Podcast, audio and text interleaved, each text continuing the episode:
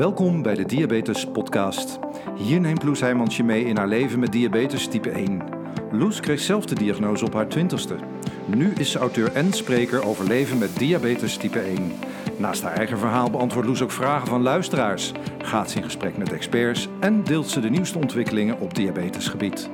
Hier is jouw inspiratieshot voor deze week. Dit is de Diabetes Podcast.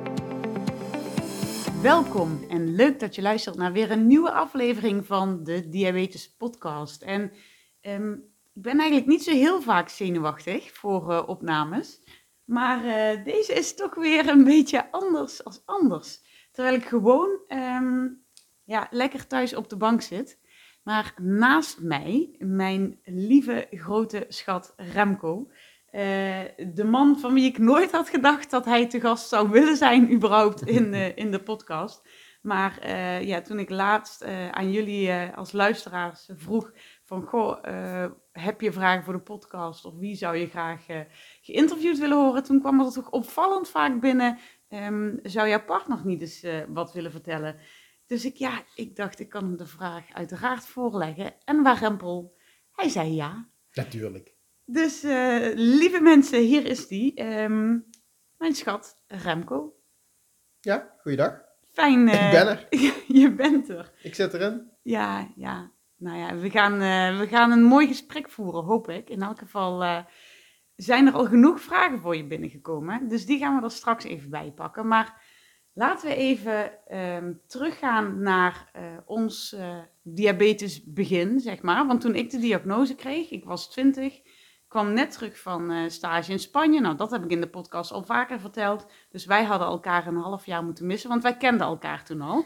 Voor um, uh, de luisteraars die dat niet weten, en dat zijn er ook heel veel, wij zijn echte high school lovers. Dus wij kennen elkaar al uh, vanaf de middelbare school. En toen ik dus op mijn twintigste de diagnose kreeg, waren wij al, al drie jaar samen.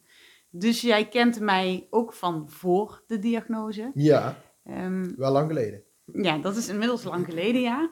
Um, maar ja, weet jij nog hoe het, hoe het was toen? Uh, want het was een gekke tijd. Ik kwam net terug uit Spanje. Wij hadden elkaar een half jaar niet gezien. Uh, halleluja, ik ben weer thuis. En drie dagen later zit ik in het ziekenhuis en, en blijk ik opeens chronisch ziek te zijn.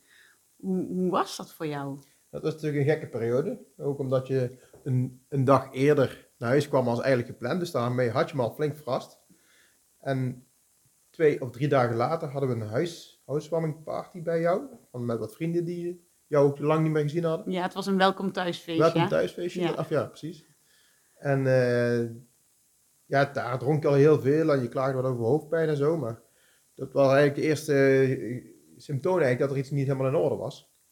Maar ja, dat was allemaal een hectische periode natuurlijk, omdat alle emoties erbij kwamen. En uh, ineens kwam dan zoiets ook erbij. Dus dat was best wel, best wel gek, ja.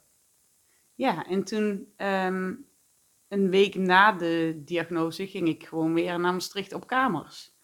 En ik heb daar hier ook al vaker over verteld. Dat ik weet dat dat voor uh, mijn ouders, voor papa en mama, was dat echt wel um, nou ja, best wel eng. Hè? Mama die uh, sms'te mij iedere dag of ik wel, uh, hoe het met me ging, of ik lekker had geslapen. Maar natuurlijk eigenlijk om te controleren of ik nog leefde.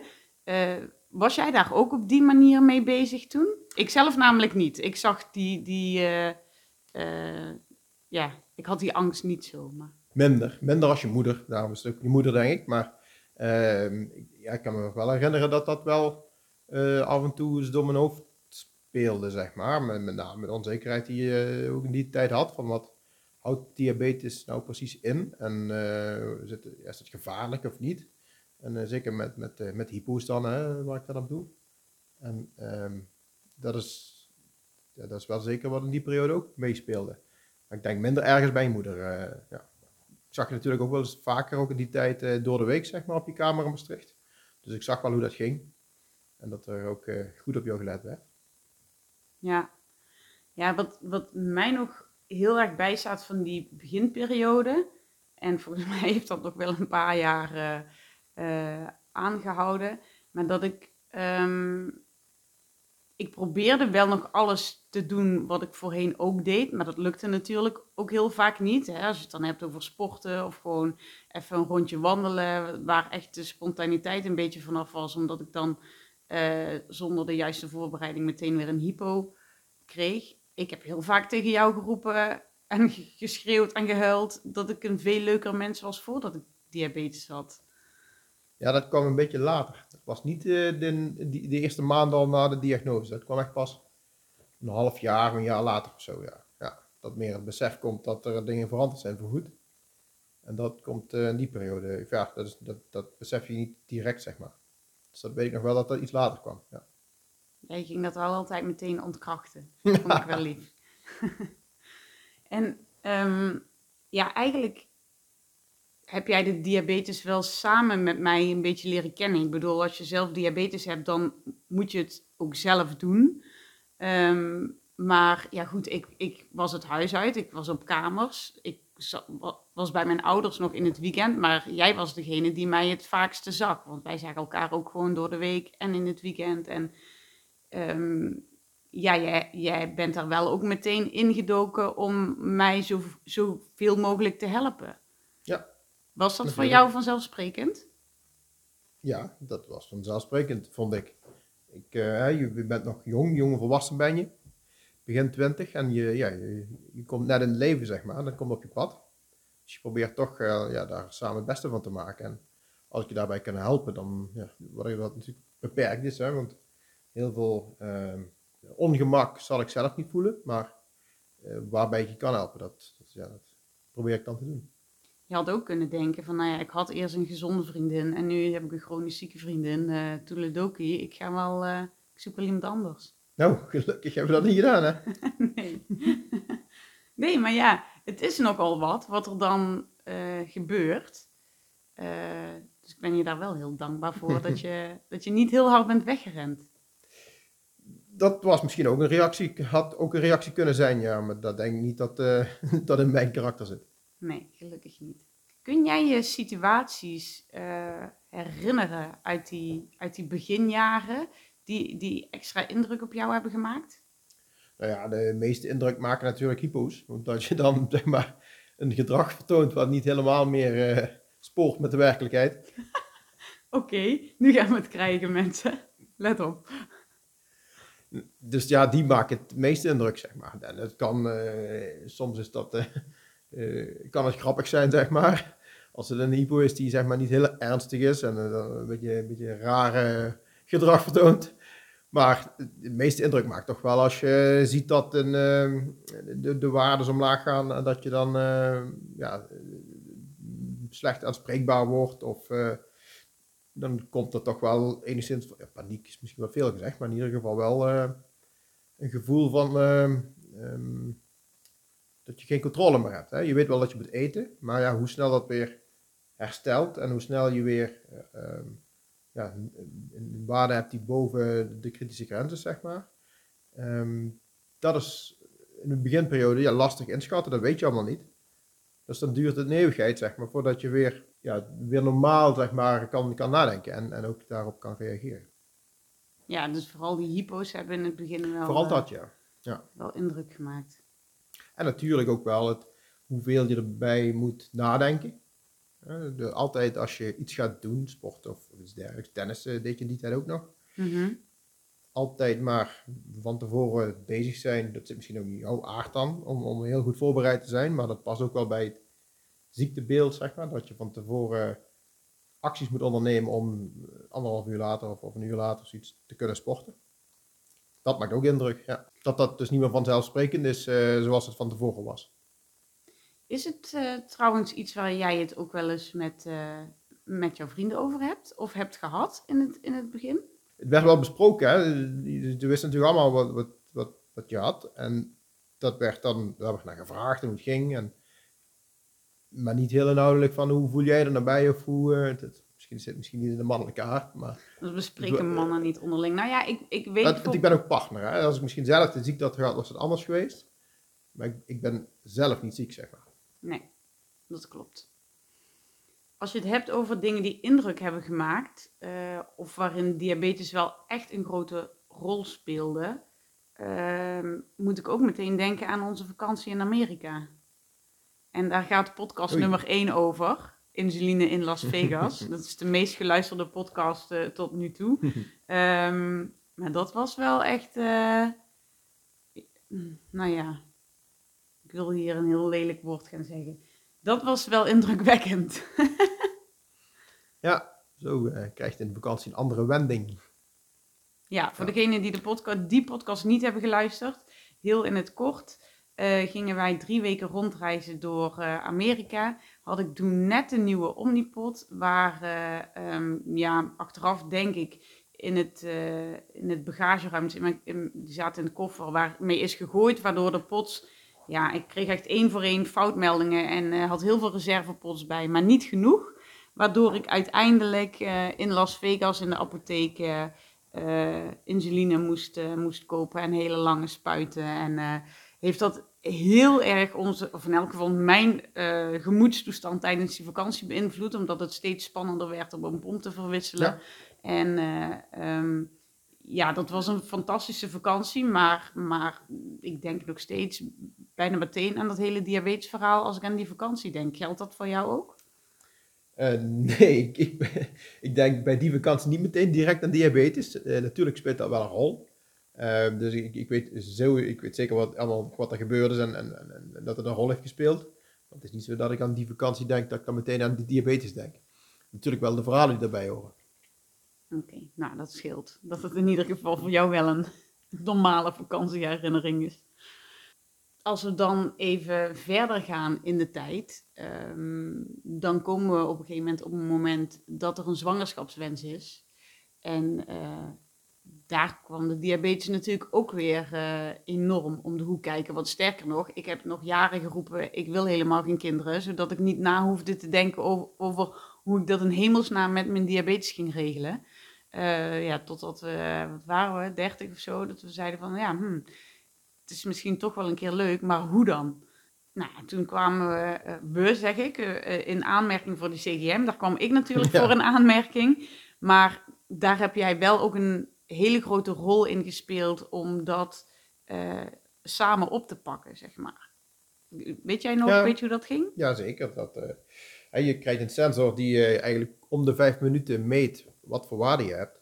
Daar is heel veel uit te leren. Met name als je ook nog uit kan lezen wat voor insuline toediening, toediening je hebt. En als je dan ook nog een beetje weet wat je gedaan hebt, dan kan je er best wel veel uit leren. En dat komt niet vanzelf uit die sensor. Dus dat moet je toch zelf doen. En de diabetesverpleegkundige, waar je eh, één keer in drie maanden fysiek contact hebt, die kan dat ook niet. En die kan je wel data doorsturen en die kan daar eh, in het beetje tijd wat hij heeft, eh, met al zijn ervaring iets over zeggen. Maar ik denk dat je, als je er zelf actief mee aan de slag gaat, heel veel meer stappen kunt zetten. Dus daarom heb ik daar ook echt bewust eh, ehm, ja, eh, tijd gestoken om, om te proberen te snappen van wat, wat gebeurt er nu eigenlijk in zo'n lijf en met, met, met diabetes en, of met eh, insuline en met glucose. Ja, want eh, mensen die mijn boek hebben gelezen of een keer mijn lezing hebben gehoord, die weten dat ik jou de cijfertjesman noem. Oftewel de Excel-nerd. Dat mag, hè? Dat hebben we afgesproken dat ik je zo mag noemen. Oh, mag dat? Nou ja, het was echt. ehm, we hebben het nu over het jaar 2013, toen ik de sensor kreeg. Kijk, nu tegenwoordig kun je echt alle sensoren en pompen helemaal super mooi uitlezen. En, maar toen maakte jij voor mij gewoon allemaal staaf en cirkel en heel veel kleurendiagrammetjes in Excel met mijn waardes erin. En dan ging je zelf uitrekenen wat mijn HbA1c dan zou zijn. En ik weet ook nog namelijk, toen we aan de slag gingen met die sensor, ik was me er ook wel van bewust van ja, zo'n sensor is fijn, maar je moet daar iets mee. Want anders dan kom je nog niet tot goede resultaten. En jij zei toen, ehm, oké, laat mij maar op die cijfertjes zitten, daar ga ik mee aan de slag. En die taak nam je heel serieus. Mhm, Dat heb ik inderdaad gedaan, ja. Heb Dus je die grafiekjes nog eh, ergens? Oh, vast wel. Kunnen we ze bijvoegen als, eh, als foto bij de podcast? Nee, maar eh, ja, dat heeft wel enorm geholpen. En ik weet ook nog dat we. ehm, de waardes werden ook echt beter. Hè? We, de- jij ging dat heel erg analyseren in overleg ook met de diabetesverpleegkundige. Stelden we dan de, de insulinetherapie zeg maar bij. Ehm, ik weet ook nog dat we op een gegeven moment bij, uh, op controle kwamen. En dat jij had uitgerekend dat mijn HbA1c... Ja, dat, die moet een fout zijn geweest. Jij had uitgerekend dat mijn HbA1c, ik weet het even niet meer, 49 of zo zou zijn. En uh, we kwamen op controle en het uh, bleek 51 te zijn. En ik was helemaal halleluja stemming, omdat het onder de 53 ja. was. En jij liep echt uh, helemaal chagrijnig naar buiten, omdat je berekening niet klopte. Maar je bent er nog steeds van overtuigd dat hun berekening niet klopte. De meting die zij doen heeft ook, heeft ook onnauwkeurigheden. Geweldig. Um, ja, nou ja, dus dat. Nou, heeft uiteindelijk uh, geresulteerd in uh, um, twee succesvolle uh, zwangerschappen. Alhoewel, ja, nee, ze waren uiteindelijk wel succesvol, want ze hebben gezorgd voor twee gezonde kinderen. Maar die zwangerschappen zelf waren natuurlijk niet heel erg fijn. Zo heb ik het ervaren. Hoe, hoe heb jij het ervaren? Spannend. Hm. Toch continu bezig zijn met de gezondheid van een kind. En uh, je weet dat uh, de, de waarden daar invloed op hebben. Dus ook daar spannend, hè, als je hypo hebt. heeft dat invloed of niet? En gaat er nou iets mis of niet? En ook de vele controles die staan er nog bij. ik weet niet, met laatst wekelijks. Um, ja, of vaker. Of nog vaker. en, en gedurende de rest van de maanden twee wekelijks, zoiets. Ik weet niet precies de frequentie meer, maar vaak in ieder geval. Dat is toch altijd een, een spannend moment, of alles goed is of niet. Ja, het was natuurlijk Iets onbezorgder ook als, uh, als een normale zwangerschap. Ja. Het was natuurlijk ook eerst twee keer misgegaan, hè, voordat het uh, uh, de derde keer ja, echt goed ging. Dus, dus we stonden er sowieso al niet meer helemaal blanco Nee, maar dat is, dat is dan nog in een prille fase. Hè? Maar als je dan later aan de zwangerschap komt, ook dan nog, kan er nog steeds iets fout gaan. En je weet niet, ja, je hebt daar te weinig kennis van, kennis van hoe dat nou met die diabetes samenhangt. Ja. Dus dat maakt het extra spannend, ja. Ja. En minder, minder onbezorgd. Ja, ja zeker. Zeker. En um, maak je je nu nog wel eens zorgen uh, om mij? Zeg maar, als het dan, ik denk nu even aan de kinderen, als, als ik alleen ben met de kinderen, uh, maak je je dan wel eens zorgen? Van, oh, stel dat ze een hypo krijgt? Of, uh... Totaal niet meer. Nee, dat was tien jaar geleden veel meer. Voor de kinderen. en nu heb je natuurlijk een sensor. Dus daar maak ik echt wel, uh, dat maakt voor mij ook heel veel verschil. Want ik weet gewoon dat, dat, uh, dat je dat, uh, daardoor veel ja, ehm, minder snel in een dieper hypo komt. Die heb ik bijna nooit meer. Hypers even dagen later, want daar, kan je zelf vervelender worden of in ieder geval een slecht gevoel krijgen, maar dat is in ieder geval niet direct gevaarlijk. Um, maar ik, ik, merk wel dat ik nu veel makkelijker daarin ben. Ook omdat je, ja, wat ik zeg, het aantal hypo's wat je hebt, is vergeleken met tien jaar geleden veel minder. En de ernst van de hypo's, dus hoe diep ze zijn, is ook veel minder. En, zeker nu met dat lupo is dat helemaal uh, eigenlijk niet meer aan de orde. Dus dat maakt echt een groot verschil hoor. Ja, dat is wel uh, um, mooi om te horen eigenlijk. Dat dat dus inderdaad voor de omgeving ook heel veel rust met zich meebrengt. Kijk, ik uh, vaar blind op mijn sensor ongeveer. En met dat loepen inderdaad gaat het nu helemaal echt heel erg goed. Het ja, wel fijn ook om te horen en je te realiseren dat dat dus voor je omgeving ook rust met zich meebrengt. En dat hoor ik ook van anderen terug hoor. Dus, uh, dus dat, ik denk dat veel mensen dat ook wel, uh, wel herkennen. Maar uh, nou, fijn om te horen dat je je daar in elk geval geen zorgen om maakt. Ja, en die, in die, die hele tijd is natuurlijk ook een grote ver, verandering al, al, begonnen, zeg maar, met het feit dat je van een spuitpen naar een pomp bent gegaan. Dat maakt het al veel makkelijker. En daarnaast inderdaad uh, ja, het, uh, het continue eh, monitoren van de glucose een hele grote stap geweest. Ja, en de laatste stap is gewoon die, uh, die loop. Dat is gewoon, daardoor, dat, ja, daardoor is eigenlijk die zorgen zijn bij mij wel uh, weg. Ja, fijn. Ik ga heel even mijn computer erbij pakken, want ik heb een aantal vragen voor je binnengekregen. Oh, spannend. Luisteraarspost. Hey Loes, zat er nog iets leuks bij de post deze week? Zo wil de man van Eline graag weten: wat kun je het beste wel of niet doen als je partner een hypo heeft? wat je vooral niet moet doen is discussies aangaan. Kansloos. Probeer vooral niet je punt te maken. Um, wat je wel moet doen, laat het even gaan. Zorg voor haar. Zorg dat ze genoeg eet en wacht een kwartiertje. Soms wat langer. Soms wat langer. Kun je nog een situatie herinneren dat je wel een discussie met me aanging? Want ik, daar schiet mij nu namelijk wel opeens iets te binnen. Dat was een dag dat ik echt volgens mij al drie hypo's, of een avond zelfs, ik had echt drie hypo's heel kort achter elkaar. En eh, ik was er zo klaar mee en ik wilde alleen nog maar eten, nou, vreten. En, en toen kwam jij maar, eet nou niet te veel, want dadelijk heb je weer een hyper. En uh, nou, dan kon ik echt... En, dan weet ik gewoon dat je gelijk hebt. Maar dat kan mijn hypobrein dan, dat goed bedoelde advies, kan mijn hypobrein echt niet aan. Dat bereikt het brein niet. Nee. Nee. Oké. Okay. Nou, man van Eline, ik hoop dat je er iets mee kan. Ellen vraagt, wat vind jij het meest lastige aan het hebben van een partner met diabetes? Het meest lastige? Um, ik denk dat zijn uh, in de beginfase, hè, dus uh, ik heb net al uitgelegd dat uh, toen wat meer spanning was, zeker met hypo's. Ik denk dat dat vooral lastig is. Um, ja, als je een keer uit bent geweest en dan, ik weet nog goed dat we een keer met carnaval thuis kwamen. En wat gedronken hadden, tenminste ik. En dat, dat Loes toen een hypo had. Dat is een hele vervelende. Dat is niet één keer gebeurd, dat is meestal wel vaker gebeurd. Er wordt vele energieverbruik van het rosten tijdens de carnaval. En, en alcohol. Uh, misschien een wijntje erbij, maar niet te veel. Bij jou in ieder geval niet. Nee, ik drink nooit heel veel, nee, maar de, de, de, al een paar glaasjes uh, alcohol uh, kunnen natuurlijk wel een paar uur later voor die daling, die daling in de bloedglucose veroorzaken. En dat is precies wat er inderdaad volgens mij twee of drie jaar op rij gebeurde.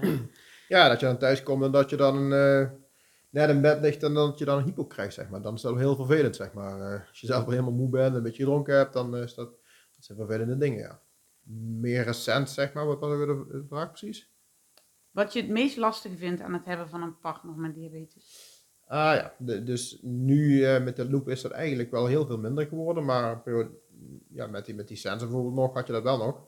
Uh, dat je daar van tevoren wel rekening mee moet houden. Het, uh, de, de pomp aanpassen voordat je iets gaat doen. Dus uh, het spontane, dat is wat minder. Hè? Dus als je wil gaan wandelen, dan moet je daar van tevoren op reageren. Dan moet je iets mee doen. Dus ik heb wel eens een spontaan idee om, hey, we gaan laten we dit eens doen. Ja, dat kan nu niet. Want nu is mijn, ik heb net insuline toegevoegd of ik noem maar iets op. En dat is, ja, dat is wel vervelend, ja. Maar goed, daar leer je ook mee leven. En je realiseert je altijd wel dat het verlies in dit geval veel lastiger is voor mezelf. Ja, want ik moet eerlijk zeggen dat ik nooit aan jou merk dat jij dat irritant vindt. En dat vind ik dan wel heel lief. Want het is inderdaad. nou ja, het is ook zo dat het voor mij nog veel irritanter ja. is. Dus, uh, maar ja, dat vind ik wel fijn dat je dat, ja, dat je niet laat merken dat jij het dan irritant vindt. Want dan zou ik me alleen nog maar weer schuldig gaan voelen en waarschijnlijk zeggen, zie je wel dat ik veel leuker was voordat ik diabetes had. Nou, nee, op zo'n moment heb je samen diabetes, hè. En dan uh, er zijn natuurlijk niet heel veel momenten, want als ik bijvoorbeeld werken ben of sporten ben of wat anders doen ben, dan uh, heb ik geen last ervan dat jij diabetes hebt. En op zo'n momenten wel. Ja, dat is dan zo. Hmm. Mooi gezegd. Uh, Steffi vraagt of jij vaak aan mijn diabetes denkt. Of ik vaak aan jouw diabetes denk.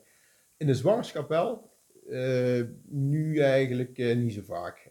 Ja, ik denk er wel aan als we, want ik weet heus wel, als we iets willen gaan doen, dat ik dat ruim van tevoren moet zeggen. dus op zo'n moment denk ik daar wel aan, ja. Om, om, om inderdaad, wat ik net zeg, die spontane dingen te vervangen door, hey, laten we er over een half uur gaan of zo. Ja. Dan denk ik er wel aan, ja.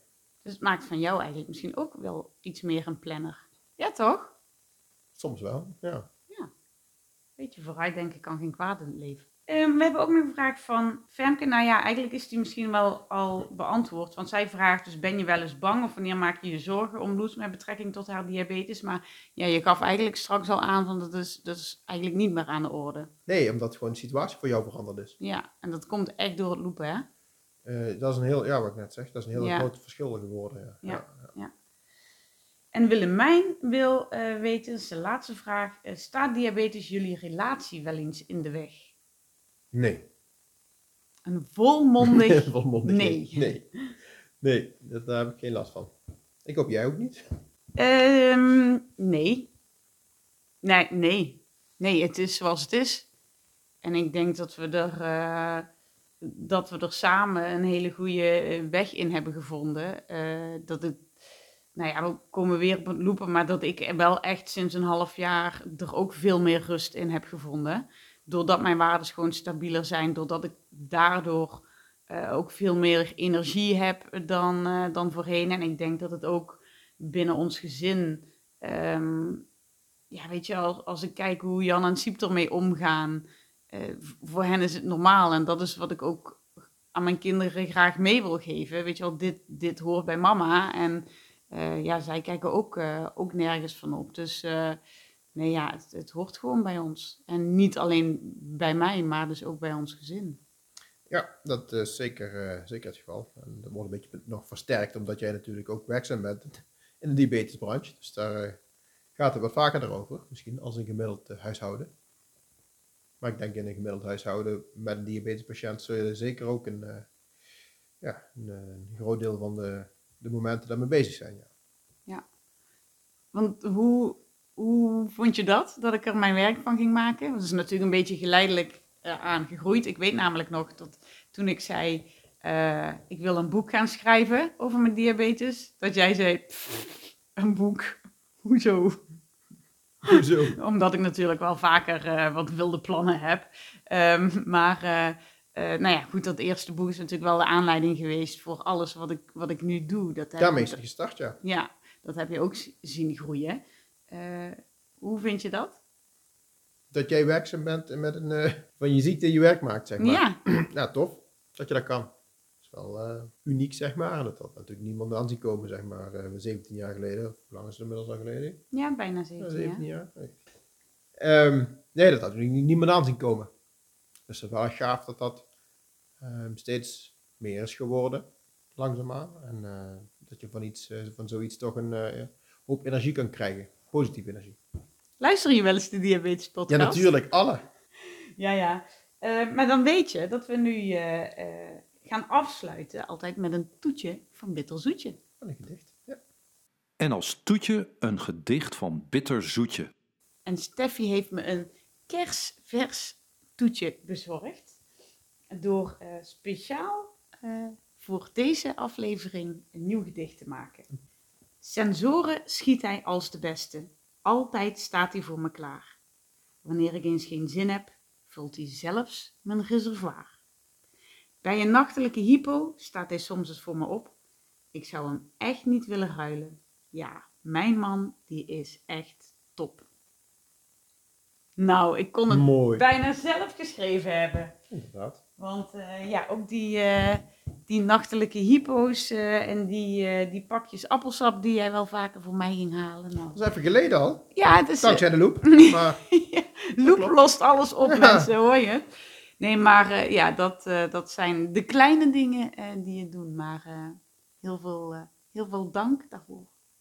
Graag gedaan. En Fijn dat je met me uh, hierover wilde kletsen in de podcast. Uh, ik ben benieuwd hoeveel uh, partners zich hierin, hierin gaan herkennen. Ik vond, ik vond het in elk geval best wel bijzonder om het er zo even met je over te hebben. En um, ja, nog bijzonderder is wel dat, dat dit eigenlijk het allerlangste gesprek is dat wij ooit hebben gehad met elkaar in het Nederlands. Ja. Dat komt niet zo vaak voor. Nee, want dadelijk als de opnames uit zijn, mensen, gaan we gewoon gezellig weer over in het Limburgs. Nou, ik hoop uh, dat je genoten hebt van deze aflevering die ik samen met, uh, met mijn lieve man Remco uh, opnam. En wil je reageren, dan stuur me gerust een mailtje info.loesheimans.nl of een DM via Instagram at loes.doemijmerdiabetes vind het ook altijd leuk als je een screenshotje maakt als je aan het luisteren bent. En uh, tag me dan even. Dan uh, kunnen andere mensen dat ook weer zien. En zo wordt de podcast steeds beter beluisterd. Nog een ander ding wat ik even nog wil vertellen. Iets nieuws bij de Diabetes Podcast. Als je gaat naar petje.af slash de Diabetes Podcast, dan kun je de podcast steunen. Ik ga in 2021 namelijk nog veel meer afleveringen maken, maar ik wil ook premium content gaan maken voor de vaste trouwe luisteraars. Je kunt daarbij verschillende abonnementen als het ware afnemen en dan krijg je van mij extra blogs, extra podcasts. Je kunt in een appgroep komen. Ik ben ook bezig met een audioboek wat je dan uh, kunt krijgen. Dus uh, ja, allemaal leuks uh, wat er aan gaat komen. En ja, zo kan ik de podcast hopelijk nog heel lang voor je blijven maken. Dus ga even naar petje.af slash de diabetespodcast. En stuur me gewoon een mailtje als je even wil weten hoe dat verder werkt. Op de website wijst het zich vanzelf voor. Maar uh, als je nog vragen hebt, laat het me weten. Nou, voor nu zeg ik dankjewel voor het luisteren en tot de volgende keer. Nou, tot ziens.